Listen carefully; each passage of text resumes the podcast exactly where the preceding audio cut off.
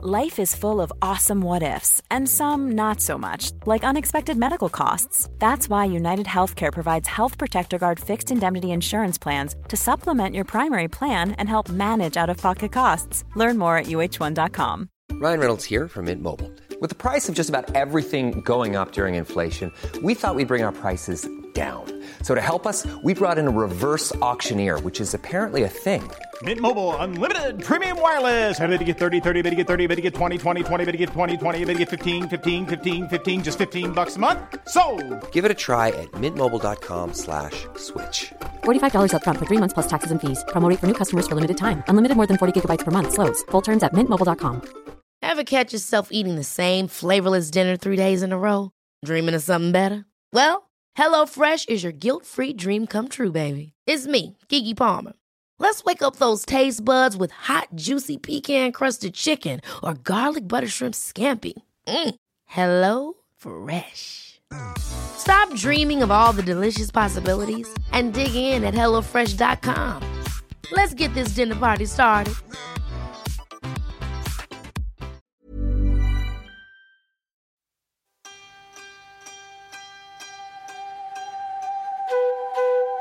Hej och välkomna till ett nytt avsnitt av Psykologsnack. Podden där vi pratar om psykologi, psykisk hälsa och ohälsa. Vi som har podden är legitimerade KBT-psykologer. Jag heter Åsa. Och jag heter Sandra. Och vi är ju jättepeppade på att eh, spela in det här avsnittet. Och det är ju det första avsnittet vi spelar in efter att men restriktionerna har lyfts här i Sverige. Så det är ju någonting att eh, fira för alla tänker jag. Ja, vi firade på? faktiskt, ja, Mm. firade igår med att vi hade eh, middag här hemma med ett gäng Ja. kompisar. Vårt midsommargäng, vi som brukar fira midsommar ihop. Så det var en blandning av vuxna och barn. Och, ja, men det var en härlig middag och härligt att få ses och Ja. eh, träffas och ha det mysigt. Ja, jag förstår det. Vad härligt. Ja, nej, jag är ju inte riktigt där än. Jag, Nej. jag var hemma igår kväll Ja. och tog det lugnt. Men jag har ju fått min, eller tagit liksom, det var min sista arbetsdag kan man säga. För just nu i alla fall. Då ska vi gå på föräldraledighet. Ja, Så att, eh, ja. Så det ska bli väldigt spännande. Men det gjorde också att jag var ganska trött igår. Och också Ja. Oavsett corona eller inte så ska man ju vara lite försiktig inför liksom en förlossning så att man inte drar på sig allt för mycket infektioner och virus och bakterier och annat. Så att jag fick ja, snällt sitta hemma och titta på TV. Eh, Ja. En vanlig kväll om man tittar på de senaste ett och ett halvt åren. Men jag ser fram emot ja, när jag kan gå ut och stuffa på stan. ja, men det finns ju faktiskt då en väldigt eh, liksom god, eh, ja. goda skäl till Det- det och att det kanske känns värt att få sitta hemma för att det är alldeles, alldeles snart, och det här är ju värsta nyheten, Mm. att det kommer ju en liten bebis snart. Ja. ja, det är ju Ja, egentligen så himla roligt. ja, om två, två, ja, 14 dagar tror jag är beräknat. Ganska exakt. Ja, Ja, så det ska bli... Så himla kul. Ja, det känns spännande och kul. Så att oavsett så känner jag att jag hade nog kanske inte orkat heller varit ute på krogen och dansat. Så jag är inte Nej. riktigt i samma fysiska form som man brukar vara. Ja. Låta soffan få passa mig ett tag till. Ja. ja. Så nästa gång vi spelar in, då kommer ju vi, eller vi, du, att då kommer vi ha en liten poddbebis. Ja, förhoppningsvis. Ja. Ja. Mm, Så kanske inte får vara spännande. med på podden men kan ju, Nej. kommer ju vara i närheten antagligen. Ja, ja, ja, det ska bli spännande. ja, så roligt. Ja, men hur är, hur är läget med dig, Åsa? Eh, Ja men som sagt, jag skulle säga men generellt det är bra. Mm. Eh, Jag är, vi är ju inne i det som är eh, min favoritårstid, hösten. Jag älskar ju verkligen hösten. Mm. Och, eh, eh, ja men även så här, jag ser ju det, jag låter ju så himla check här, men eh, att det är liksom en uppladdning här nu för mig fram till också julen och Ja. allt det här mysiga. Jag vet ju att många kan tycka att den här perioden är jobbig, men jag får ju ändå säga att jag får förmånen, har förmånen att jag njuter verkligen av hösten Mm. och mår bra under hösten. När är det liksom julstämningen börjar komma för dig? Ja, men jag skulle säga att jag börjar ju ladda redan i november. Ja, så då gör det att november känns inte sådär mörk och tung och tråkig. Utan nu har jag ju faktiskt, nu såg jag att advent är ganska tidigt i år. Faktiskt tror jag sista helgen i november. Mm. Men annars har jag ju börjat med att redan så här mitten på november, då plockar jag fram så här eh, elljusstakarna och Ja. stjärnorna. För att, det är så lite lagom, men då kan jag liksom njuta av det Ja. i flera veckor. Fram till jul. Än att bara ha dem några få veckor. Ja, men det, det är egentligen väldigt smart. För det är ju, annars det- blir det ju bara mörkt och tråkigt i november. Alltså det är ju inte så Ja. mycket annat att glädjas över tyvärr. Nej men så det tycker jag är ett litet lifehack som jag har där. ja. Som jag vill dela med mig En av. ljusglimt där. Ja, ja men det, jag kanske ska testa det. Jag brukar annars ha lite... Tycka att det är rätt tufft i november. Mm. Och ha- känna att det liksom påverkar sinnesstämningen negativt. Man kanske behöver... Det är Mm. bra att hitta något sånt där. Mm. Mm. Men idag Ja, då? Vi ska ju Ja. faktiskt också prata, prata annat än bara eh, höst och, och jul. Oss själva. Ja, precis. Oss själva. Eh, vi ska ju faktiskt spela in ett till avsnitt om ja, återhämtning. Vi har ju ett sedan Mm. tidigare. Eh, men det här kan vi väl säga är mer inspirerat av eh, stressforskaren Niklas Alméns bok Återhämtningsguiden. Må bra trots stress och press. Och det är en bok som har kommit ut i år. Mm. En eh, jättebra bok, verkligen. Lättläst och tycker jag lätt att ta till sig. Mycket bra liksom, information, kunskap som man får. Men även, det kommer vi prata lite om, eh, bra så här, strategier och hur man faktiskt konkret kan komma igång med att börja förändra sina beteenden och öka sin återhämtning här och nu. Mm. så det är en bok vi verkligen kan tipsa om. Mm. Eh, och eh, vi kan ju faktiskt också passa på att tipsa om att Niklas finns ju också på Instagram. Och där heter han eh, stressforskaren Niklas Almen. Ett jättebra konto Mm. som eh, ni gärna kan följa. För där delar han ju med sig av just vetenskapligt eh, förankrade råd när det gäller återhämtning och stress. Så in och följ honom på Insta. Yes. Så äh, avsnittet kommer helt enkelt handla om återhämtning idag. Mm. Hur Mm. skulle du säga att din återhämtning ser ut, Åsa? Men jag skulle vilja säga att faktiskt, alltså nästan ta mig tusan för första gången i livet, i alla fall sedan jag började arbeta. Mm. Eh, men så har jag väldigt bra balans. Och jag tycker jag har väldigt bra eh, återhämtning Mm. just nu. Alltså jag tycker annars att det har varit jätteutmanande att få eh, ihop eh, när man är med jobb och eh, övrigt liv och att få orken att räcka till eh, och så. Men nu, ja, men nu har jag en, en bra balans och eh, men jag jobbar ju på ett annat sätt. Jag tänker kopplat, det här har vi ju pratat om bland annat när vi pratade om värderad riktning och Mm. livskompassen i ett eh, avsnitt eh, kring så olika förändringar man har gjort för att leva mer i linje så som man vill Mm. och vad som är viktigt för en i livet och hur vi båda har bland annat tidigare och jag däremellan har jag hunnit göra det igen, bytt jobb Ja. för att också möjliggöra att nu har jag en mycket bättre balans och just eh, kan återhämta mig på ett helt annat sätt och ha ja, men mer lust och energi att göra eh, mer saker. Ja, det Och det känns fanta- fantastiskt. Ja, det är ju helt fantastiskt att du, att du har men att du faktiskt också har lyssnat, tänker jag, på det. Som du säger, när vi har pratat om det med värderad riktning. Vad är det som är viktigt och hur vill du ha det? Och att du faktiskt har liksom agerat ut efter det. Mm. Och då är det fantastiskt Sen har ju inte det... det... Ja, förlåt. Men det är bra att det har gett effekt också, tänker jag. Att du känner att det liksom, ja, jo, men att det faktiskt kanske är en bättre balans i livet. Ja, sen har ju inte det varit heller utan liksom, vad ska man säga, obehag och ångest att, Nej. eh, att ta de besluten inför varje beslut, att veta är det här verkligen rätt, jag, Mm. borde jag prioritera annorlunda eller vad, oj vad händer nu och ska man tänka karriär och hit och dit. Men nu i efterhand så känns det så himla rätt och så Mm. eh, belönande Mm. att jag eh, stod ut med den där ångesten och motståndet och faktiskt eh, eh, gick emot det och utmanade mig. Så jag, ja, men jag får säga att det är, är bra just nu. Men vad härligt. Det låter Hur ser det ut för dig? Jo men det... Ja, alltså jag kan väl säga att det ser det, det ser ju ljus ut framåt hoppas jag nu då när jag har eh, ändå fått gå in på ledighet här och har förhoppningsvis någon vecka där jag bara får komma ner i varv och tänka på en sak. För det måste jag säga att har jag haft lite svårt med senaste månaden att tänka på en sak. Det har varit att avsluta liksom arbetet på något sätt, eh, lämna över det. Samtidigt som vi sa i förra, som jag berättade i förra podden så har vi flyttat till hus. Um, mm. Och samtidigt då vänta barn. mm. och allt som behöver liksom göras inför det. Så, ja men, ja, nej men det har varit det har varit hektiska dagar men jag kan säga att jag mm. tycker att jag har fått bra återhämtning liksom på kvällar. Jag har verkligen tillåtit mig att ta det lugnt när jag liksom inte har varit mitt uppe i någonting.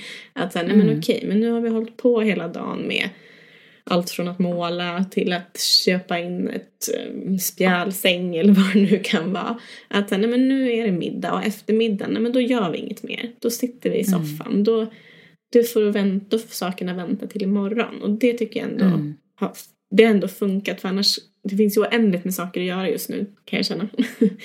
men då ja. har man ju också så här, fått stå ut med det och bara sådär nej men det där tar vi imorgon och så har vi fått mm. slappa i soffan. Så det tycker jag ändå att jag känner mig ändå ganska pigg så. Ja, ja men vad fint att höra. För jag tänker även de här positiva, väldigt positiva sakerna. Att ni har flyttat ja. till hus, att det väntas en liten bebis. Det blir ju ändå en så här förändring och som mm. kan också vara, som du säger, det blir mycket att göra med det också. Ja, och att du har jobbat ja. parallellt ända fram till nu. Ja, det är nytt liksom. Mm. Um, så det finns en del liksom, orosmoment kopplat till det. Mm. Även om det är mycket som är härligt så är det också ja, men, ja, um, en viss oro kopplat både till föräldraskap också men också med huset. Alltså, oj, oj, oj, det är saker som kan gå fel som jag aldrig hade tänkt på när man bodde i lägenhet och sådär. Mm. Um, men ändå, jag tycker som sagt det funkar bra med den här liksom, tydliga återhämtningen eh, kvällstid. Och att jag liksom går och lägger mig väldigt tidigt eh, mm. har också liksom hjälpt väldigt mycket. Mm. Ja, gud jag får nästan lite ångest att jag låter så check. Med åh, oh, jag har så bra återhämtning. Men, Nej, men det är ju sagt, jättebra, det är det vi ska sträva det, efter, ja, tänker jag. Ja. Eh, mm. Och jag tänker sträva efter att låta mer check nästa gång vi hörs. Då ska jag berätta om mina långa promenader som jag tar och bara ja. sitter och gosar hemma och tar det lugnt.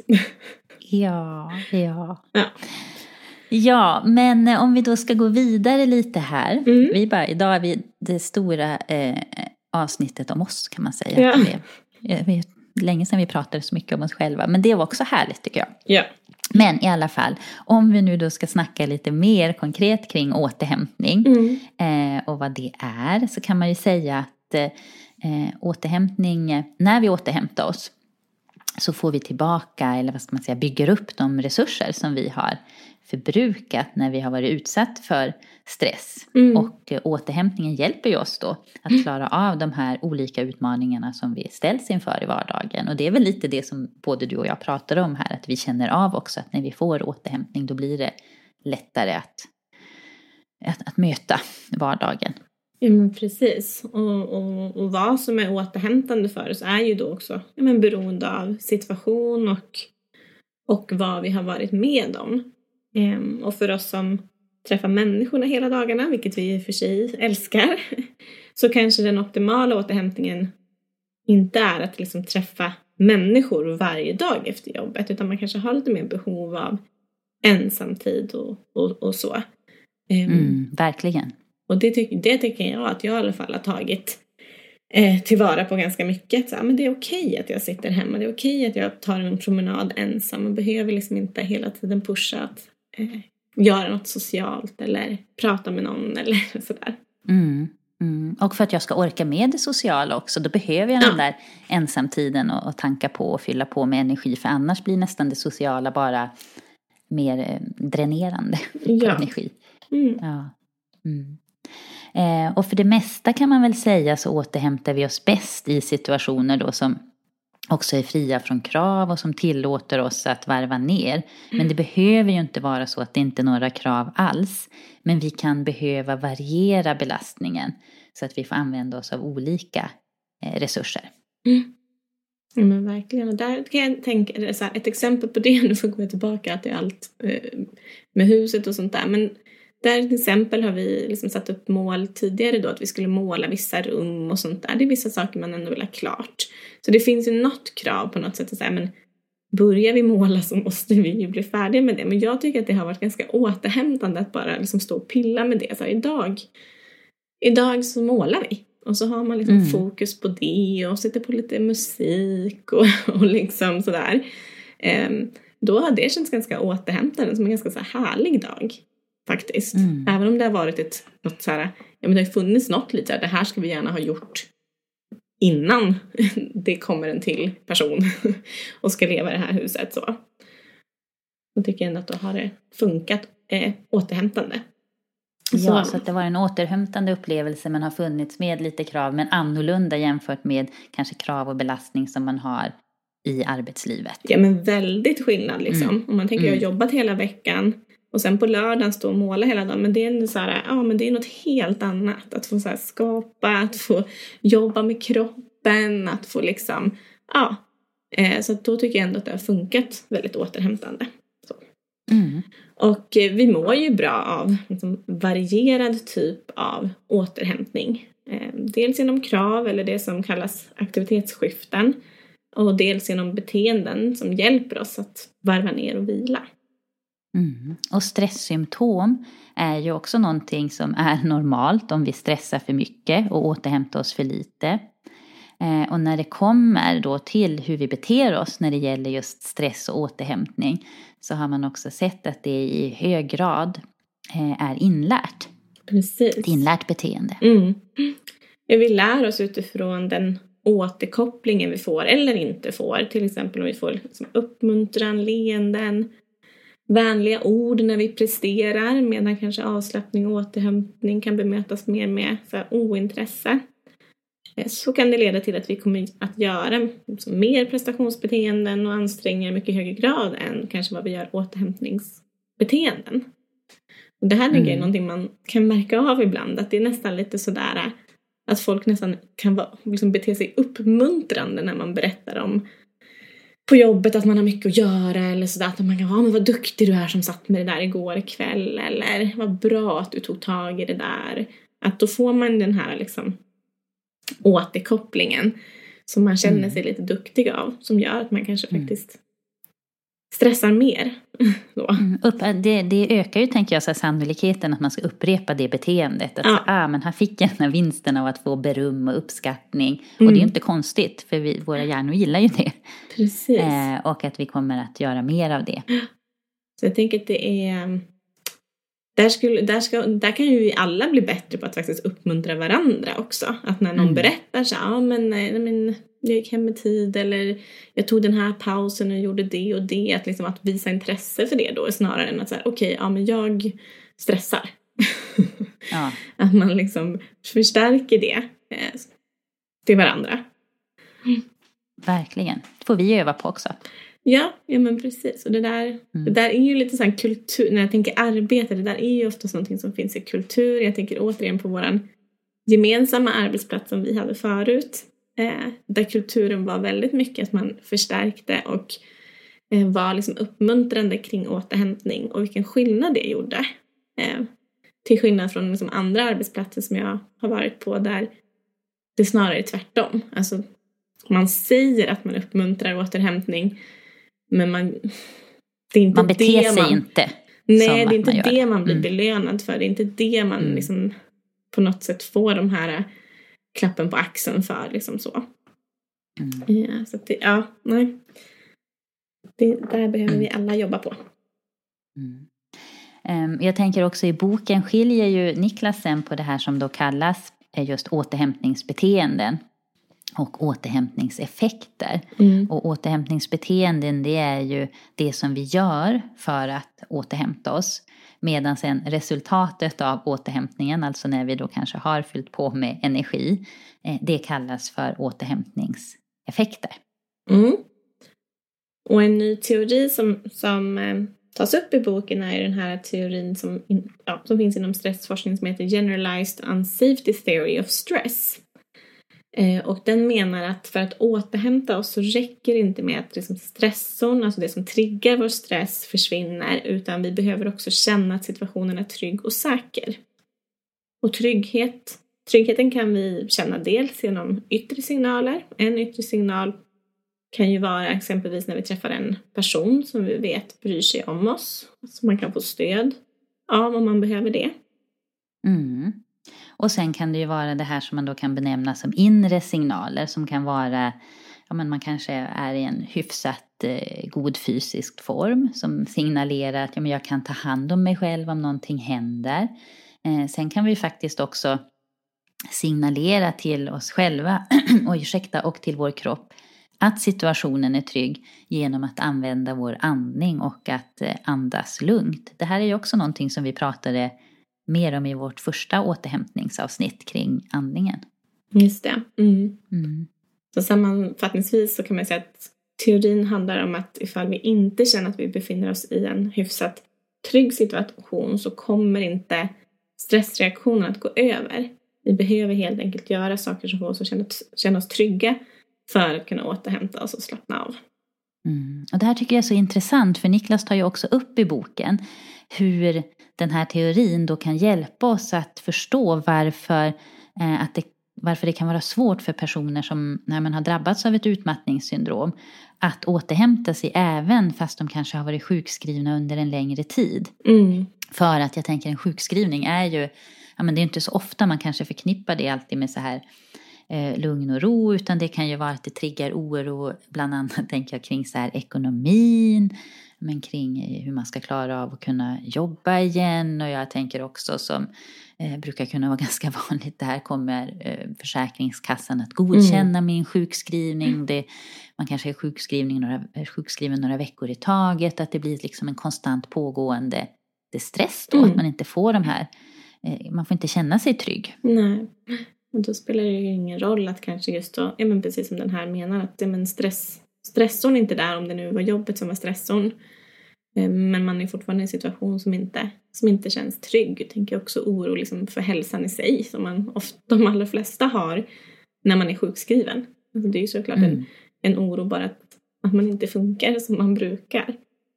Gör ju också att det såklart blir, blir tufft. Så. Mm.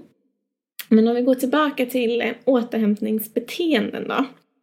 Eh, återhämtningsbeteenden är beteenden som leder till att vi får en paus från den stress och belastning som funnits och att de resurser, alltså att vi känner oss piggare, känner glädje, kan prestera, tänka klart och så, och så vidare, eh, som minskar i samband med stressbelastning, ja, men, kommer tillbaka eller återställs.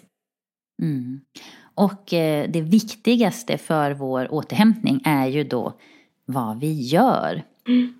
För om vi befinner oss i en ja, men, återhämtningssituation, alltså vi kanske har en paus på jobbet eller ja, men vi är eh, lediga under helgen, men om vi inte beter oss på ett återhämtande sätt, ja, då kommer det ju faktiskt vara så att då kommer vi inte heller att återhämta oss. Mm. Men det är helt enkelt våra våra beteenden som gör att vi återhämtar oss. Sen kan det såklart vara olika lätt och svårt att återhämta sig i olika situationer. Mm. Men det är ändå en bra påminnelse eller vetskap att ha tycker jag. Mm. Det här att, att, vad vi gör är det som påverkar eh, hur vi återhämtar oss. Mm. mm. Eh, och eh, vi har ju också nu kommer jag tillbaka lite till det, men i, i förra avsnittet om återhämtning mm. så pratade vi lite om det här med passiv och aktiv återhämtning. Och även i, i den här boken så lyfts ju det. Men också problematisera lite kring att det kan vara svårt att faktiskt skilja på att men vad är en aktiv eller en, en passiv mm. återhämtning. Mm, eh, och när ja. vi pratade om, om, aktiv och passiv återhämtning tidigare, alltså att man kan tänka en aktiv återhämtning någonting som kanske tar lite energi men ändå fyller på. Medan en passiv återhämtning är mer bara påfyllande och kostar inte så mycket energi, lite lugnare återhämtning. Mm. Eh, så, men att det är ju inte helt enkelt kanske att, att säga och där är det ju också individuellt att man behöver känna efter vad är passivt, eh, mm. hur, hur, krävande är det här för mig och, Um, vad, vad, är passiv och aktiv återhämtning för mig? Mm. Men och, och där, där kan man ju behöva liksom båda typerna av återhämtning. är väl liksom det man, man eh, summan summarum att bara det ena eller det andra kanske eh, inte alltid att föredra. Alltså att passiv återhämtning är inte alltid att föredra och aktiv återhämtning är liksom inte alltid att föredra utan försöka hitta också någon typ av kombination däremellan. Mm, en balans, den här ja. härliga balansen som Precis. vi återkommer till. Mm. Mm. Eh, och, mm. Ja, förlåt. Mm. Nej men återhämtning kan ju också kategoriseras som, som liksom mikro eller makro. Det vill säga liksom om man har en kortare bensträckare eller eh, om man pratar om fem veckors semester. Vi kan ju också se det som en, som en skala och vi kan röra oss mellan de här två ytterligheterna. Så. Mm. Eh, och just det här med att ha den här dagliga då mikroåterhämtningen. har man sett att det är väldigt viktigt eh, för vår hälsa. Eh, och i boken så beskrivs det också som att det är basen mm. för vår återhämtning. Men att sen så kan vi ju såklart då och behöver också vill kanske addera den här makroåterhämtningen. Mm. Men att det är jätteviktigt att vi inte bara hamnar i att vi skjuter på den här återhämtningen och tänker jag ska göra det här och det här först och sen när helgen kommer då mm. ska jag återhämta mig eller sen när semestern kommer då ska jag återhämta mig. Att vi behöver faktiskt få in den här återhämtningen varje dag. Det blir ju lite mera liksom, hållbart. Det blir inte lika riskfyllt eller vad man ska säga om man hela tiden ser till att liksom eh, återhämta sig lite grann. Alltså, som du säger, skjuter man på det där hela tiden då finns det ju också en risk att det aldrig kommer. Eh, men har man liksom den här mer ja, men, mikroåterhämtningen då, då kanske inte det är på samma sätt lika farligt om man nu skulle missa liksom, ja, att en dag i helgen blir lite mer hektisk än vad man hade tänkt sig. Till skillnad från då om man har under hela liksom, veckan eller veckodagarna så har man liksom skjutit på det och tänker men i helgen då ska jag vila och så kommer inte den vilan. Eh, mm. Då blir det mer sårbart på något vis.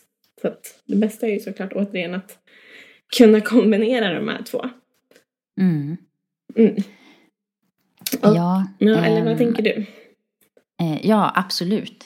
Eh, jag håller verkligen med och jag tänker, eh, jag läste ju en artikel av en kollega till oss uh som är psykolog, Agnes Mellstrand, som man hittar på hoppas jag säger rätt när jag kommer ihåg ur minnet här, men hon finns också, gud vad mycket instatips det blir här, men mm. hon är bra.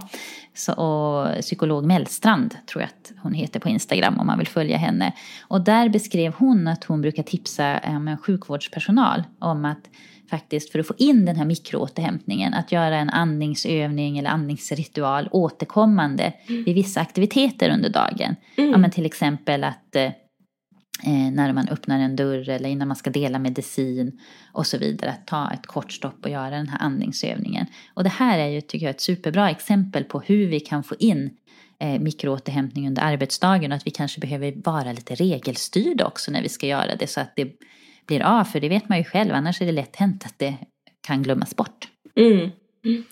Då blir det en liten Alfons Åberg ska bara istället. Mm. Mm. Ja, och apropå instatips så kan vi ju fortsätta på den linjen. Vi kan ju också tipsa om eh, kontot Skogspsykologen som Noelia Mörling har. Som är ett eh, väldigt, jag menar ett jättefint och bra konto om, om psykologi och livet. Och hon tar ju upp många saker som är väldigt tänkvärda och bra att ta med sig i boken Återhämtningsguiden så tycker jag också att Niklas gör en fin eh, jämförelse när det gäller vår återhämtning. För han jämför det med vårt kostbehov. Att de flesta av oss mår bäst av att faktiskt äta några gånger per dag snarare än att man kanske äter en jätteportion en gång om dagen. Eller om vi skulle föreställa oss eh, att vi bara skulle äta på helgen eller ja, det kanske man inte skulle klara av men eh, på semestern. Utan att vi behöver det liksom kontinuerligt och regelbundet. Ja, i, i lagoma portioner. Mm. Då håller vi ju den mest liksom, jämna energinivån och slipper de här dipparna liksom.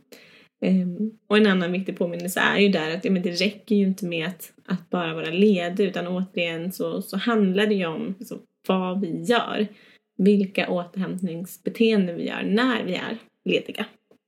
Mm. Och som vi var inne på, det här med att det kan vara lätt att skjuta på återhämtning, så kan det ju vara svårt för oss människor eh, att prioritera återhämtning när vi har mycket stress i våra liv och när vi har något som vi vet ligger och liksom kanske stressar framför oss. Eh, även om det inte är något livshotande eller farligt och att vi faktiskt skulle kunna skjuta på att ta hand om det här som stressar. Mm. Ja, ofta är vi ju liksom benägna att ta tag i liksom det här hotet. Även om du som du säger, det kanske inte är... Det är inget som eh, är livshotande. Men det är ändå något typ av som vi uppfattar som ett hot. Att vi, vi är benägna att ta tag i det direkt. Istället för att ta tag i att återhämta oss eller vad vi ska säga. Eh, så om vi har mycket stress så kan det också då kännas väldigt obehagligt att värva ner. Vilket medför att vi kan skjuta på återhämtningen. Ehm, och kanske inte heller då får till den här återhämtningen längre fram i framtiden. Mm. Mm. Eh, och det finns ju också lite olika faktorer som kan påverka eller ja, men, störa eh, vår återhämtning helt enkelt. Och det presenteras ju här då som återhämtningsproblem som kan uppstå. Mm. Ja, och ett sådant problem är, handlar om, kan man säga, när vi utsätts för många olika stressorer eh, men där vi får för lite återhämtning emellan. Mm. Att man kanske bara får en kort, kort återhämtning emellan och så dyker det upp någonting nytt och så får vi en kort, kort återhämtning, kanske en fika med kollegan, men sen kommer ja. något nytt som drar igång stressreaktionen eh, igen. Ehm, och sen finns det ju ett annat problem som handlar om eh, stressreaktioner som pågår under lång tid som kanske är utan eh, eller med otillräckliga pauser, alltså att vi får för kort återhämtningstid emellan mm. och där de här stressreaktionerna är mer eh, måttliga eller mer högintensiva kan man säga. Mm.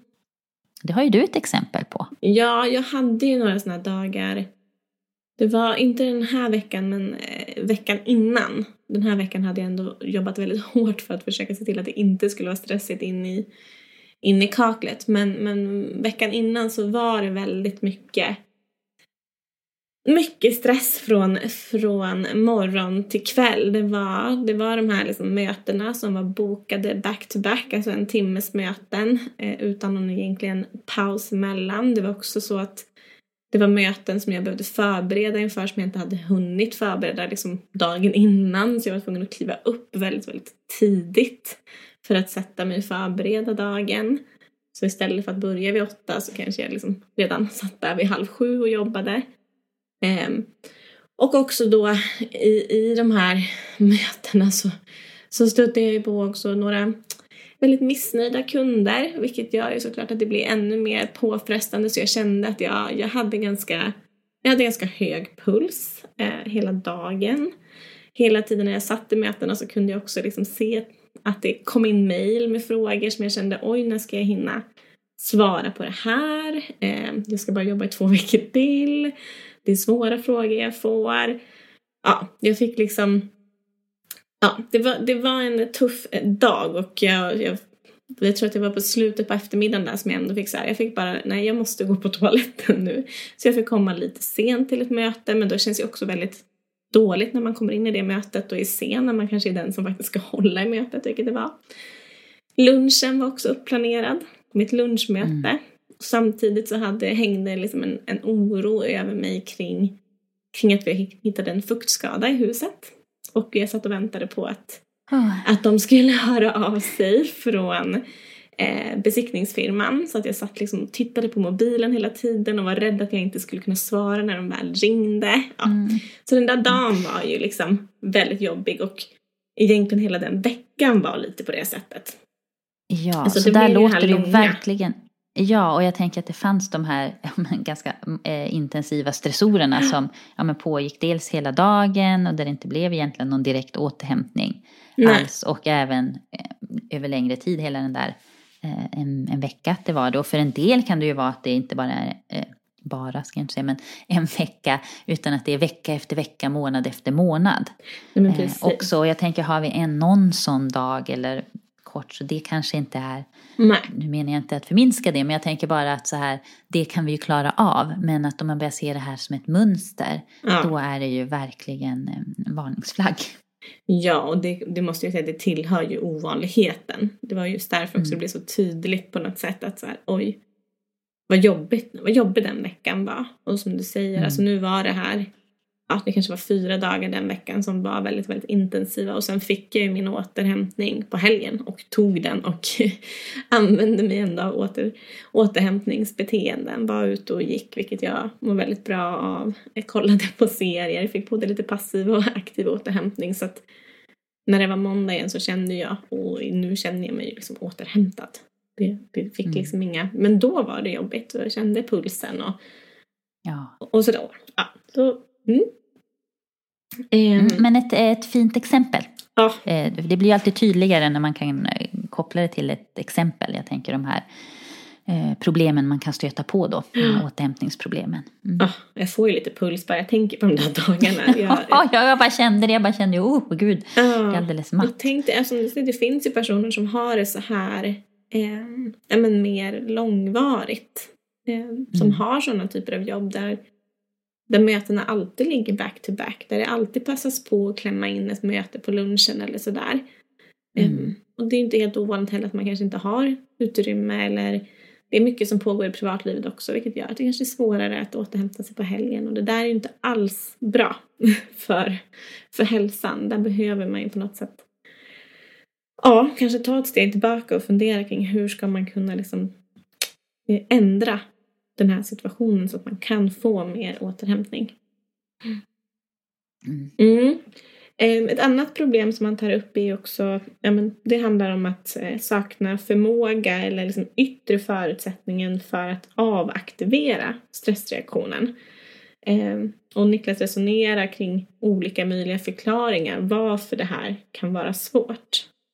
Ja men precis, och det här att det dels då kan handla om att eh, ja, men när vi befinner oss i ett eh, tillstånd av stress så kan vi helt enkelt vara för otåliga för att återhämta oss. Så även om vi inte är kvar i den här stressiga situationen så kommer vi att bete oss på ett sätt som gör att nivån av stress är fortsatt hög.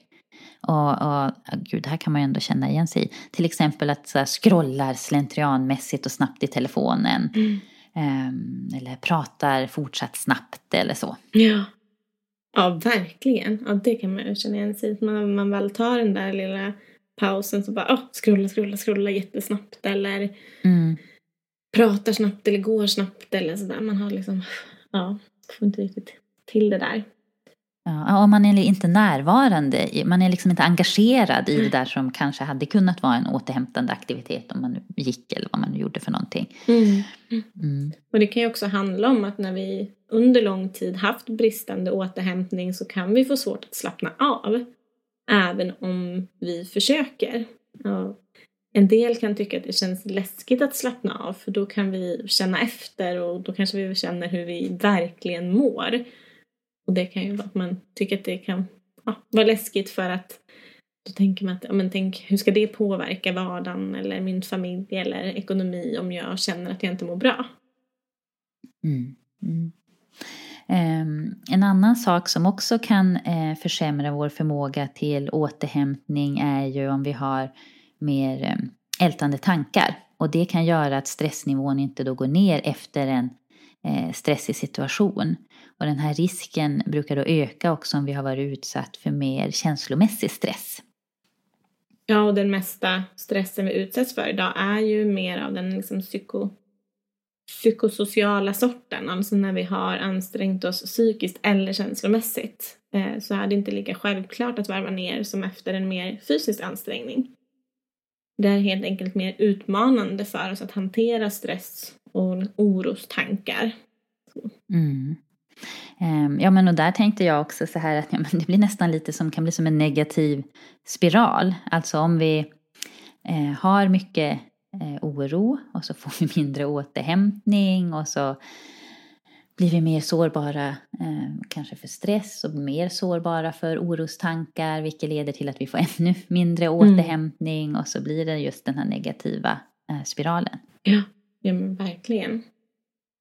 Mm. Um, en annan sak kan ju också vara, det här har vi ju pratat mycket om och det här pratas det ju ganska mycket om mm. i, i samhället och har gjort, gjorts under en, ett par år får man väl säga. Men det här med, med rörelse och fysisk aktivitet. Om vi, för om vi rör på oss för lite så kan det också göra att det blir svårare för oss att varva ner och återhämta oss. Uh, är vi i, i bra fysisk form så, så kan vi faktiskt snabbare både varva ner och uh, återhämta oss. Mm. Ja, att vara i bra fysisk form är alltid en bra idé, känns det som. Mm. Så att, ja. Och eh, ett annat problem handlar om när vi har svårt att vänja oss, om, vänja oss vid återkommande stressorer. Så oftast lär vi oss hur vi kan hantera samma stressorer bättre över tid. Till exempel om ja, men en, en psykolog som arbetar med att föreläsa och blir nervös varje gång. Eh, där kan man ju liksom, har man eller har man generellt svårt att vänja sig vid stressorer så kan det också vara så att man reagerar med stress vid flera olika situationer i livet. Mm. Um, och lite som avrundning när det gäller de här utmaningarna eller återhämtningsproblemen så kan det också vara bra att tänka på att det är ju inte så att man säger åh nu har jag bara det här problemet utan det här kan ju existera samtidigt hos en person och i olika eh, omfattning och under olika perioder i livet och kopplat till lite olika situationer eh, och så.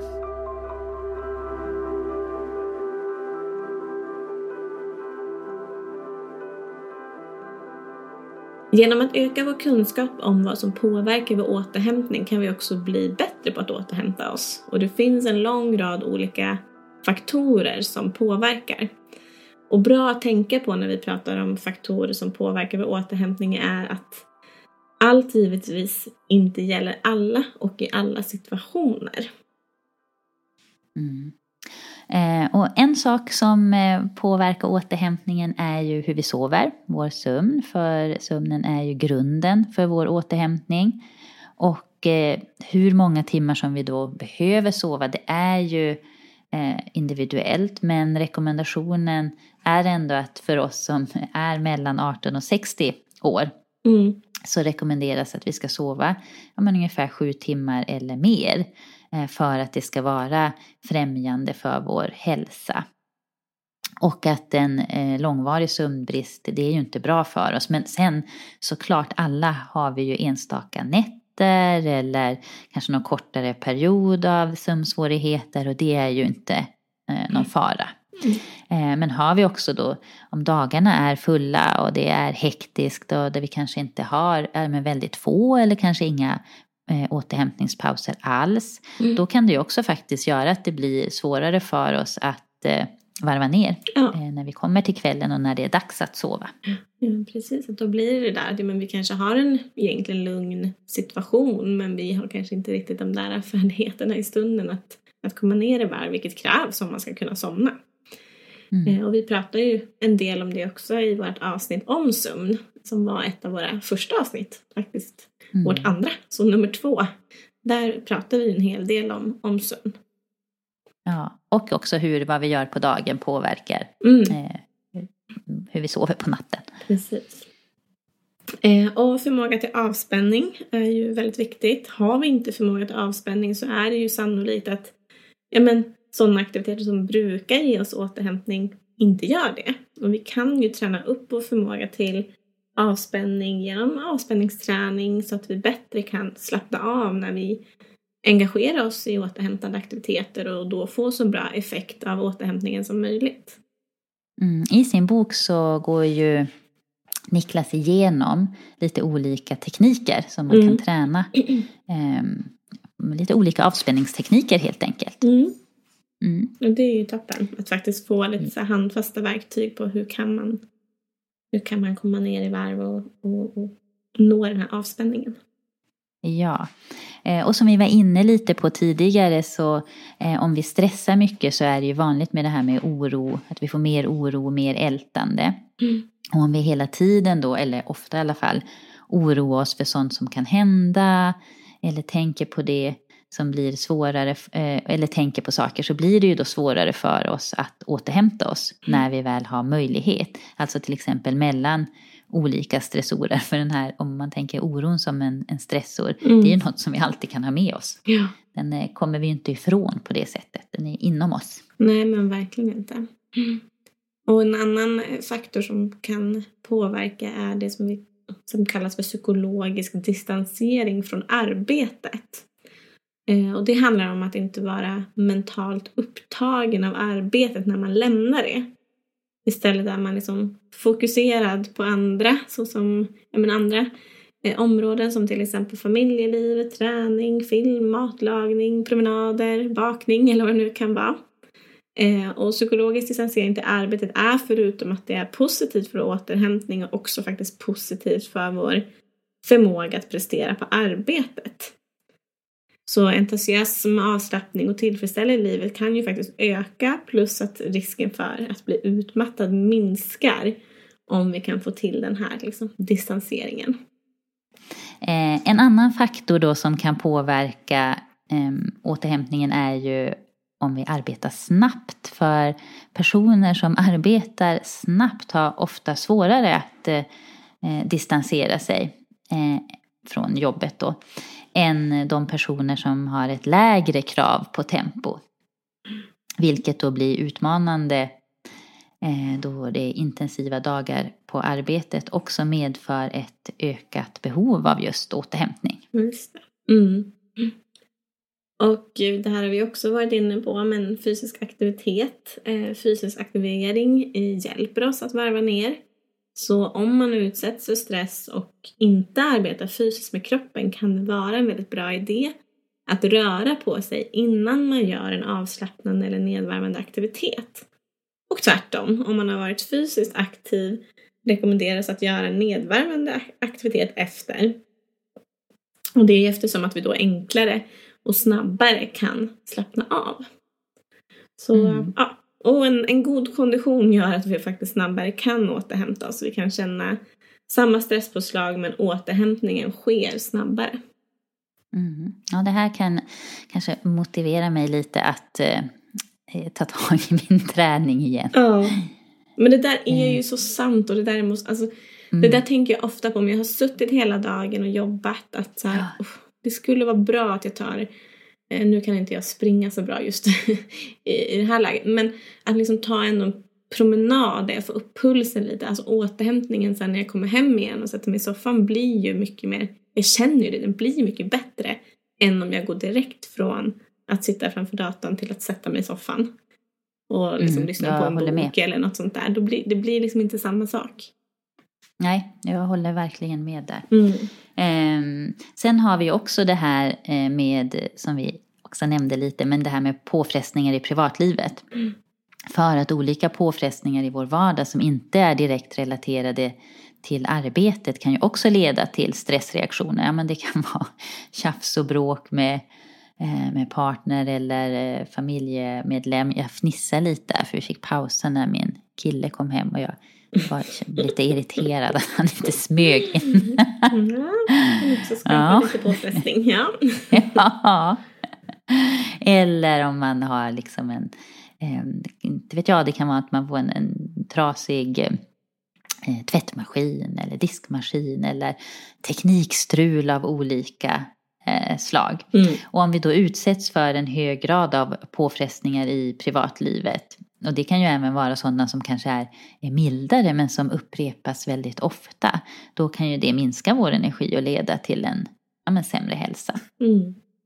Och sen finns det såklart också eh, många fler faktorer men vi går inte in på alla här. Men det kan ju handla till exempel om att, ja, men, eh, hur jämställdheten ser ut hemma. Tänker också hur vi påverkas av den digitala utvecklingen som såklart har många fördelar men som också har sina utmaningar. Mm. Eh, det här med förmågan att bara vara, kanske ha den här eh, kravlösa återhämtningen, möjlighet att också göra sånt som vi gillar, hur det ser ut med stödet runt omkring oss, alltså våra, vårt det sociala nätverket och vad vi har för sociala aktiviteter, hur det ser ut med pauser och så. Mm. Så att det, det finns en det hel finns del flera, Ja, eh, och fler därtill, men som vi inte heller går in på. Men det här kan man ju om man vill och tycker det är intressant kan vi verkligen rekommendera att gå in och läsa mer om det i återhämtningsguiden. Precis. Så hur ska vi då liksom lyckas att förändra på våra beteenden och, och öka vår, vår återhämtning? Ja, där kan man ju faktiskt eh, försöka att sträva efter att då hitta och prioritera ja, men, återhämtande beteenden som ger ganska snabba positiva effekter som vi inte behöver vänta på dem så länge. Mm. För om vi gör en aktivitet där vi, eh, som får oss att till exempel ja, men känna glädje, när vi gör den till exempel som kanske för dig eller mig skulle vara om man gick en promenad mm. i skogen nu under hösten. Eller ja, men det kanske för någon annan är att ja, men man spelar en paddelmatch med en vän. Mm. Då ökar ju också sannolikheten att vi ska vilja göra eh, den här aktiviteten igen. Som också då ger oss återhämtning. Mm. Precis, så, så ja, försök också att, att vara uppmärksam på positiva effekter som kommer efter ett återhämtningsbeteende. Alltså, ja, men, kanske en skön känsla i kroppen eller som du var inne på det här med att känna glädje eller avslappning. Eh, då ökar också chanserna som sagt att, att beteendena sprider sig och att det är något som vi vill fortsätta med. Mm. Eh, och ibland kan det ju faktiskt också vara så att vi inte får de här effekterna som vi önskade och ville få. Då kan det vara bra eh, att man faktiskt utvärderar att vi gjorde annorlunda. Mm. Alltså vi tränade på ett återhämtande beteende och att också uppmärksamma ja, men och belöna förändringen. Mm. Att man faktiskt har gjort det som man ville och eh, planerade. Och det här tänker jag gäller väl egentligen all typ av beteendeförändring. Mm. Eh, men nu är ju det kopplat då till återhämtning. Ja, och det, precis. Och, det, och, och, ja, precis som med andra beteenden så kan vi behöva träna på det flera gånger för att det ska ge effekt. Ehm, vi kan också försöka påminna oss om att, att vi agerar på ett sätt som kanske är i linje med våra långsiktiga mål. Ja, att ha de där, lite som när vi pratade, nu kanske jag flummar iväg lite, men vi pratade inledningsvis här om värderad riktning och värderingar. Mm. Att eh, ibland kan det ju vara lite motstånd när vi ska röra oss mot de här långsiktiga målen och då kan man verkligen behöva påminna sig om varför man gör det här och varför det är mm. viktigt mm. för att eh, upprätthålla motivationen att fortsätta med beteendet. Mm. Ja men verkligen, och där tycker jag alltså att det är ganska vanligt, till exempel om man pratar om med avslappning eller jag vet att jag hade ganska svårt med att, att se yoga som återhämtande. För att jag försökte verkligen men jag hade någon jag tyckte det var svårt att varva ner för jag hade någon tanke om att det inte var ordentlig träning vilket gjorde att jag bara ville bli färdig med det. Eh, vilket gjorde att det där, nej men det där blev inte så återhämtande att gå på de där yogapassen eller eh, meditationsbitarna. Men sen liksom så bara, jo men det här är det, jag vill, jag behöver också den typen av återhämtning. Eh, inte bara fysisk återhämtning. Så jag liksom fortsatte med det och till slut så kunde jag ändå liksom få den, de positiva effekterna också av mm. eh, yoga och avslappning. Men det tog faktiskt ett bra tag. Men det var någonting mm. som jag ändå, att det här långsiktigt så vet jag att jag behöver det här. Och, och ja, jag fick, jag fick kämpa lite med det. Och i början fick jag absolut inte önskande effekter. Mm. Men eh, bra att du fortsatte mm. och ett bra exempel också. Mm. Just på det här. Um, och sen är det ju också såklart så att vi kan behöva ja, men, testa oss fram och experimentera för att hitta mm. vad som är återhämtande för oss. Mm. Uh, och så är det ju också så att i vissa situationer så kan vi använda vissa beteenden och i andra situationer behöver vi uh, andra beteenden. Mm. Så att man får försöka helt enkelt att så här, uh, testa sig fram och hitta vad är återhämtande för just mig. Och uppmärksamma och, fokus, och faktiskt fokusera på det som går bra. Eh, om du under veckan haft en dag med bra återhämtning och resterande dagar dåligt, ja men uppmärksamma en bra dag ändå lite extra och tänk igenom vad var det som, vad var det som du gjorde då och varför fungerade det så bra? Och försöka liksom att se det som en lärande process. Mm. Eh, och vi kan ju också såklart testa då att göra fler liknande saker av det som gett oss återhämtning. Mm.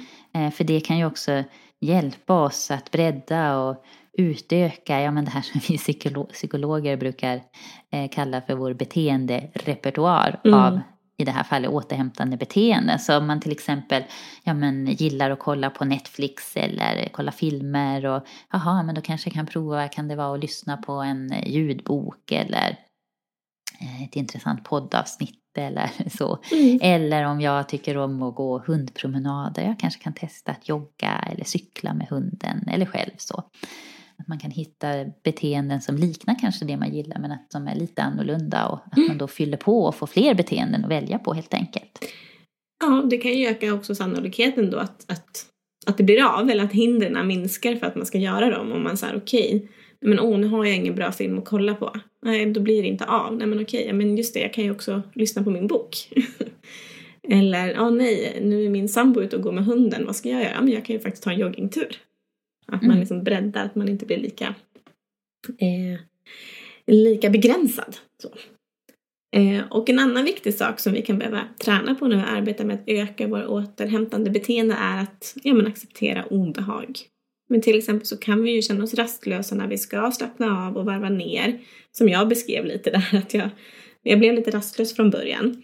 Ehm, eller få tankar om att kollegor tycker att vi är lata när vi tar en paus på jobbet. Så ofta när vi ska ändra beteende så kan det ju kännas obehagligt på kort sikt. Men, men ju mer vi tränar desto mindre brukar ju obehaget bli. Så återigen så försök påminna dig om de långsiktiga vinsterna med förändringen. Mm. Och när vi ska ändra våra beteenden så kan det ju också vara bra att involvera andra i den här förändringsprocessen. Ja, men vi kanske berättar ja, för andra att vi håller på och arbetar och utmanar oss själva med att öka våra återhämtande mm. Eh, beteenden. Man kanske kan eh, uppmuntra kollegor att man ska ta en eh, gemensam paus eller om man har en kompis kanske man kan bestämma att en dag i veckan så promenerar vi tillsammans. Och det kan ju vara, tänker jag såklart, både att man ses fysiskt men mm. som jag tycker har varit hjälpsamt nu under pandemin, att det faktiskt har kunnat vara via telefon. Att jag har mm. gått promenad och kunnat prata då. Mm. Det har också blivit en form av återhämtning. Ja, det har faktiskt varit jättebra. Det är nog någonting som jag kommer faktiskt fortsätta med också sen. Att mm. man kan ta, alltså för det är inte alltid man, det låter ju stressigt, men det är inte alltid man hinner liksom mötas upp och ta promenaden tillsammans även om det är väldigt trevligt. Men att man då breddar sin beteenderepertoar och faktiskt, ja men då kan man ju ringas och prata och ta mm. promenaden ändå. Mm. Eh, och vi kan ju också eh, försöka hänga på andra när de gör eh, återhämtande aktiviteter eller beteenden. Mm. Eh, ja, men till exempel ja, men om en kollega tar en paus på jobbet, ja, men då kan man faktiskt eh, haka på mm. den kollegan till exempel. Mm. Ja, verkligen. Och vi kan också öva på att bli mer uppmärksamma på hur andra gör för att återhämta sig och låta oss inspireras av dem. Men fråga, fråga, vad, fråga kollegan eller vännerna hur, hur brukar de göra och vad får de för effekt på de sakerna som de gör. Mm. Och sen har vi också det här med att sätta upp mål. Mm. Det kan ju också vara hjälpsamt när vi ska göra ett eh, förändringsarbete. Mm. Eh, och vill man göra det konkret så kanske ja, jag ska ta fem eh, mikropauser under arbetsdagen mm. för att eh, ha mer energi. Att man då också får se vad får jag för effekt av det här beteendet. Eh, alltså att jag vill ha mer energi när jag då kommer hem när arbetsdagen är slut. Och som vi pratade om tidigare avsnitt om beteendeförändring så är det ju bra att tänka på att våra mål ska ju vara rimliga och nåbara, hyfsat tydliga och konkreta så att vi kan märka när vi närmar oss dem. Ehm, och eh, känns som att vi vill ta oss an och att det faktiskt påverkar oss på det sätt som vi vill. Eh, så att vi inte bara sätter upp mål för att och framförallt att vi kanske inte sätter men, sätter man orimliga mål så får det ju oftast bara en motsatt effekt. Att vi känner oss ännu sämre. Eh, att vi känner oss dåliga som inte har gjort det och kanske blir stressade över att men, oj, nu har jag inte gjort det här och, och sådär. Så det är jätteviktigt att man sätter mål som ändå är nåbara och mål som går i linje med, med vad vi brukar kalla ändå för så värderad riktning. Mm. Så att verkligen utgå från de här ja, men, långsiktiga eh, målen. Mm. Och att i, i linje med sina långsiktiga mål då kanske sätta upp mer så här konkreta saker. Alltså förändringar som du kan komma igång och göra eh, redan nu. Mm. på en gång. Ehm, alltså man kan ju, man skulle kunna ha i sin kalender så kan man så konkret som möjligt planera veckans beteenden som kanske är att ja, men jag ska ta en promenad eller jag ska kolla på ett avsnitt av min favoritserie, ta ett bad. För det ökar ju också sannolikheten att vi gör beteendet om vi faktiskt har eh, förberett och planerat för eh, den här aktiviteten. Mm. Ja, och tips är ju faktiskt att börja dagen med ett återhämtande beteende eh, då vi vet att det också påverkar resten av dagen. Ehm, jag vet inte hur, hur du brukar börja dagen, Åsa? Mm, jag har lite olika faktiskt mm. utifrån vårt, eh, att jag lever ju både Stockholms och Värmlands liv. Just ehm, och eh, lite hur situationen ser ut hemma under de veckorna påverkar också. Men jag skulle säga att eh, under när jag är i Värmland då börjar jag med återhämtning i lite mer aktiv form. Då blir det ofta en promenad på morgonen med hunden en timme. Mm jag skulle säga så här motigt innan. Mm. Men så otroligt skönt så fort jag kommer ut, när jag går promenaden, mm. eh, när jag kommer hem sen och sätter mig och äter frukost och liksom förbereder mig för arbetsdagen. Mm. Eh, det tycker jag är en jätteskön start på dagen. Men sen måste jag säga att jag uppskattar så mycket också variationen som jag faktiskt har förmånen att få då under eh, andra veckor. Mm. Mm, när vi då är här hemma i Stockholm. Uh, när jag inte behöver, då är inte jag ansvarig för att gå ut på första rundan med hunden. Mm. Utan då kan jag ganska mjukstart. Jag går fortfarande upp samma tid men jag mjukstartar på ett annat sätt i att så här, dricka kaffe, sitta i soffan, mm. ta det lite lugnt, filosofera en stund. Jag kanske tittar lite faktiskt på sociala medier men jag tycker inte att det blir det där stressiga scrollandet som jag gör. Nej. Dricker kaffe och äter frukost. Ja men det blir också en mjuk start som jag sett tycker blir en bra, mm. sätter en bra ton för dagen. Och jag uppskattar väldigt mycket som sagt att jag har förmånen att få ha eh, den här variationen mm. ja, i, i, hur jag börjar dagen och få, få mm. återhämtningen på olika sätt där. Ja, men det låter ju väldigt bra. Jag tycker, och, ja, det, det avspeglar lite hur jag faktiskt också tänker på morgnarna. Um, att Ja, jag försöker att träna. Om jag, nu tränar jag inte riktigt lika mycket som jag gjorde förut men eh, jag försöker, när jag tränar så tränar jag på morgnarna eh, oftast. Och så antingen en så här, ganska så aktiv form av återhämtning som jag börjar dagen med eller så går jag upp samma tid ändå och precis som du tar en ganska lugn morgon. Eh, och det måste jag säga har ju också varit ganska så fantastiskt med att få jobba hemifrån. Ja. Att det har blivit mycket lättare att få till. Eh, att inte ha den här, visst jag har alltid en tid att passa, det är ett möte som börjar liksom. Men det blir inte riktigt lika eh, liksom skarpt på något sätt som när man måste ta sig iväg också.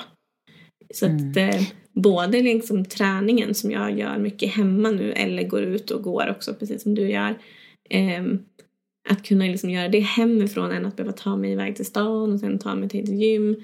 Men också själva den här lugna morgonen när man jobbar hemifrån. Det, det har faktiskt varit enklare att få till måste jag säga. Med hemarbete. Ja, men där tar ju du också upp någonting viktigt som jag tänker är så här själva med kontexten eller liksom situationen, hur den då också påverkar möjligheten till återhämtning och att få den här starten på morgonen. Och där är det ju också för mig alltså att jag jobbar hemifrån. Mm. Nu jobbar jag bara hemifrån, vilket jag tycker för mig funkar eh, helt otroligt bra. Som jag uppskattar så, så himla mycket. Eh, och det har ju också gett förutsättningarna till att ha de här månaderna. Om det var så att jag varje dag däremot skulle åka in till en arbetsplats då skulle jag inte kanske ha riktigt samma möjlighet. Jag tror att jag skulle kunna göra vissa delar av det Mm. men under en kortare stund. Ja.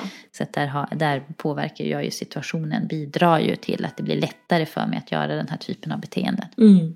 Mm. Ja, det blir ju spännande nu tänker jag. Nu, ja, nu ska jag gå på föräldraledighet men annars så hade jag faktiskt min tillvaro skulle ju faktiskt ha ändrats nu lite. Eh, skulle vi börja gå tillbaka till arbetet. Eh, Så att det blir ju också en liten utmaning när man har hittat sina sätt att återhämta sig, vilket jag kan tänka att många har gjort där hemma. Man har liksom kommit in i en viss, eh, ja, med en viss struktur eller en viss vana. Eh, det har ändå pågått i ett och ett halvt år det här. Eh, och nu så kanske man då ska gå tillbaka till arbetet. Då kan det också bli Mm. viktigt att ta sig en funderare igen. Vänta nu, hur, hur vill jag hur vill jag leva nu när situationen kommer se annorlunda ut. Hur ska jag få till min återhämtning nu? Att tänka på det redan innan och försöka planera in det. Så att, så att eh, man har goda förutsättningar att, att fortsätta ha en bra balans mellan återhämtning och aktivitet eller vad man ska säga. Mm. mm. Och eh, eh, sen kan vi faktiskt också kanske, om man ska börja runda av lite mm. här, ge några fler tips. Och här mm har vi också kikat och det tycker jag ni ska gå in för vi har sammanfattat lite här också Niklas från hans Instagram och sen lite egna, eh, egna tips också mm. eh, vad man kan göra. Eh, och ett eh, tips eh, från Niklas är att prova att andas långsammare när man håller på med olika hushållssysslor för det kan också eh, hjälpa kroppen att faktiskt starta de här återhämtningsprocesserna. Mm. Um, och jag tycker också att det kan vara hjälpsamt att tänka lite här på huret, alltså hur man gör saker. Mm. Att man kan föreställa sig lite. Det här är faktiskt från en, jag tror om jag inte blandar ihop här nu, men hur som. Det finns en väldigt bra eh, onlineföreläsning med Kajsa Bergvall som är psykolog. Mm. Där hon pratar, jag tror att föreläsningen heter Återhämtningen är nyckeln och att den ligger på Utbildningsradions eh, liksom, eh, playkanal. Mm. Så den kan man gärna gå in och se. Men där, om jag inte kommer ihåg fel, så pratar hon lite om det här. Är jag en person som eh, attackdammsuger mm-hmm. när jag dammsuger? Alltså, där, när man föreställer sig, hur gör man då? Det tycker jag jag kan känna igen mig i, att jag kan hamna ibland. ibland. Men det är liksom så åh, man ska ta fram den från skåpet. Det bara ramlar ut 53 000 saker från det jäkla städskåpet. Så bara fram med dammsugaren och så bara är man redan lite irriterad och man liksom tar i lite, kör lite hårt. Man kanske slår i en tröskel. Precis, och det blir ju mm. verkligen inte återhämtande jämfört med om man då skulle föreställa sig lite så här, aha, hur skulle det vara om jag skulle balettdammsuga här? Mm. Alltså det skulle ju inte bli roligare kanske att dammsuga, men upplevelsen och jag tänker energimängden som går åt skulle ju bli mindre. Mm. Um, så att det faktiskt kanske jag vet inte om man kan säga att det blir en, en återhämtande aktivitet men ändå att man förbrukar mindre energi ja. när man gör det. Ja. Eh, så det tycker jag kan så här vara bra att ha med sig, liksom, inte bara när man dammsuger utan generellt hur jag gör saker. Är jag en som attackerar jag den här aktiviteten eller kan jag dansa ballett när jag gör den? Ja, jag, jag tycker att det kan vara hjälpsamt ja, att tänka. Verkligen, mm. jag tycker det kan man applicera på jättemycket saker. Jag mm. tänker bara när jag står nere i tvättstugan. Hur gör jag då? Liksom, attackviker jag kläder? Ja, ganska ofta. Men ibland ja. kan jag mer balettvika. Att man står där och gör det lite lugnt och faktiskt ja, men går in i att här, ja, det är trevligt att vika det fint och liksom göra ordning och det är rent och det luktar lite gott. Och, så det blir en helt mm. annan upplevelse än att gå in och bara riva runt i tvätt, tvätten liksom. Ja men verkligen. Och jag bara, ja, men så här, ja det går ju att applicera på hur mycket saker som helst. Ja, mm. men den, den tycker jag är bra att ha med sig. Ja. Attack eller ballett. Yes. det är bra. Och också ett tips är ju att ja, men verkligen försöka liksom engagera sig i det återhämtande beteendet. Att försöka liksom vara ja, men, närvarande, liksom medvetet närvarande i det man gör. Um, annars är det ju lätt att man inte får ut liksom, de, den effekten man vill av det återhämtande beteendet. Mm. Eh, och sen också att faktiskt, eh, ja, men det här sociala umgänget mm. och att umgås med, med personer som man känner sig trygg med mm. när man behöver eh, återhämta sig. Att det blir mer återhämtande för oss och blir de här, eh, som vi pratade om tidigare, yttre eh, trygghetssignalerna. Mm. Och försöka variera lite som vi har varit inne på, kanske lite där passiv aktiv form av återhämtning. Att man kan variera beteenden som liksom ger avslappning och som ger lite av en positiv utmaning. Det är ju någonting som vi vet att vi människor mår väldigt bra av när vi har, vi får känna oss lite kompetenta. Vi får liksom bemästra någonting. Eh, framförallt om det är på den här liksom lagom utmanande nivån. Att det är liksom den här positiva utmaningen. Mm. Eh, och sen kan det ju faktiskt också vara hjälpsamt att träna sig på att uppmärksamma om man är eh, fysiskt eller mentalt trött och att försöka låta det så här vägleda. Att vad behöver jag göra för återhämtande beteende eh, nu? Om vi säger att jag har varit ute och arbetat hela dagen i, i trädgården eller ansträngt mig fysiskt på något annat sätt. Mm. Ja, vad behöver jag för återhämtning då? Ja, men då kanske det är att det är väldigt återhämtande att få slå sig ner i soffan och dricka en kopp te eller se på sin serie eller läsa mm. den där mm. boken. Eh, men har jag suttit en, en dag framför datorn och huvudet känns så här eh, trött och tungt och varmt och så, ja men då kanske det är som vi var inne lite på det här att komma ut och ja. att röra på sig, att ta den där promenaden, gå på det där träningspasset. Eller är det så att eh, jag har haft ett känslomässigt krävande samtal kanske med min partner. Vad behöver jag då för att återhämta mig efter det? Mm. Ja, det kanske är att jag behöver eh, ringa och snacka med dig en stund. Ja. Skulle det kunna vara. Mm. Kanske samtidigt som jag går den där promenaden mm. för att det också rensar mina tankar mm. lite. Så att man faktiskt kan börja ja, men bli mer uppmärksam på just att det finns olika typer av, av mm. trötthet och då kan vi också anpassa återhämtningen utifrån det. För det gör ju också att det blir just den här mer varierade återhämtningen. Mm. Mm, verkligen. Ja, så det finns ju en hel del, en hel del tips. Och, och behöver du som lyssnar lite hjälp på vägen så återigen så kan vi inte, så, så kan vi ju väldigt varmt eh, rekommendera Niklas bok Återhämtningsguiden Må bra trots stress och press. Mm. Och det finns ju i, i boken också, nu sitter jag och bläddrar lite i den mm. samtidigt, men ett, eh, ett program som han kallar Balans i vardagen.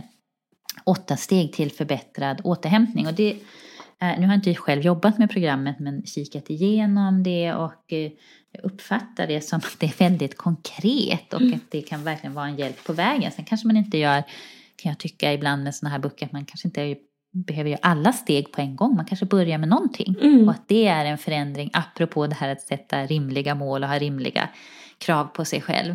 Att börja med mm. att göra ett av de här stegen så är det ändå ett, kanske en väg mot att öka återhämtningen mm. i sin vardag och i sitt liv eh, här och nu. Mm. Och ibland kan man ju behöva eh, mer hjälp på vägen. Så att mm, en bok kan ju vara väldigt hjälpsam i vissa situationer men ibland kan man ju behöva faktiskt något annat typ av, av stöd och då, ja, men då rekommenderar vi att man också då vänder sig i så fall till sin fysiska eller, eller digitala eh, vårdcentral för att få bedömning, få en bedömning kring sin problematik och eventuellt också kunna få någon typ av behandling. Ja, och med det så kanske vi tar och rundar av eh, dagens eh, avsnitt. Ja, precis. Eh, och då vill vi också alltid tacka först och främst er som lyssnar. Mm. Så glada att ni vill lyssna på vår podd. Och sen också stort tack till eh, Jenny Segerheim för att du hjälper oss med ljud och klippning. Och tack till Ulf Solulf Svedlund för att vi får låna musiken till podden. Ja, tack så jättemycket alla lyssnare så hörs vi snart igen. Ja, hej då! Hej då!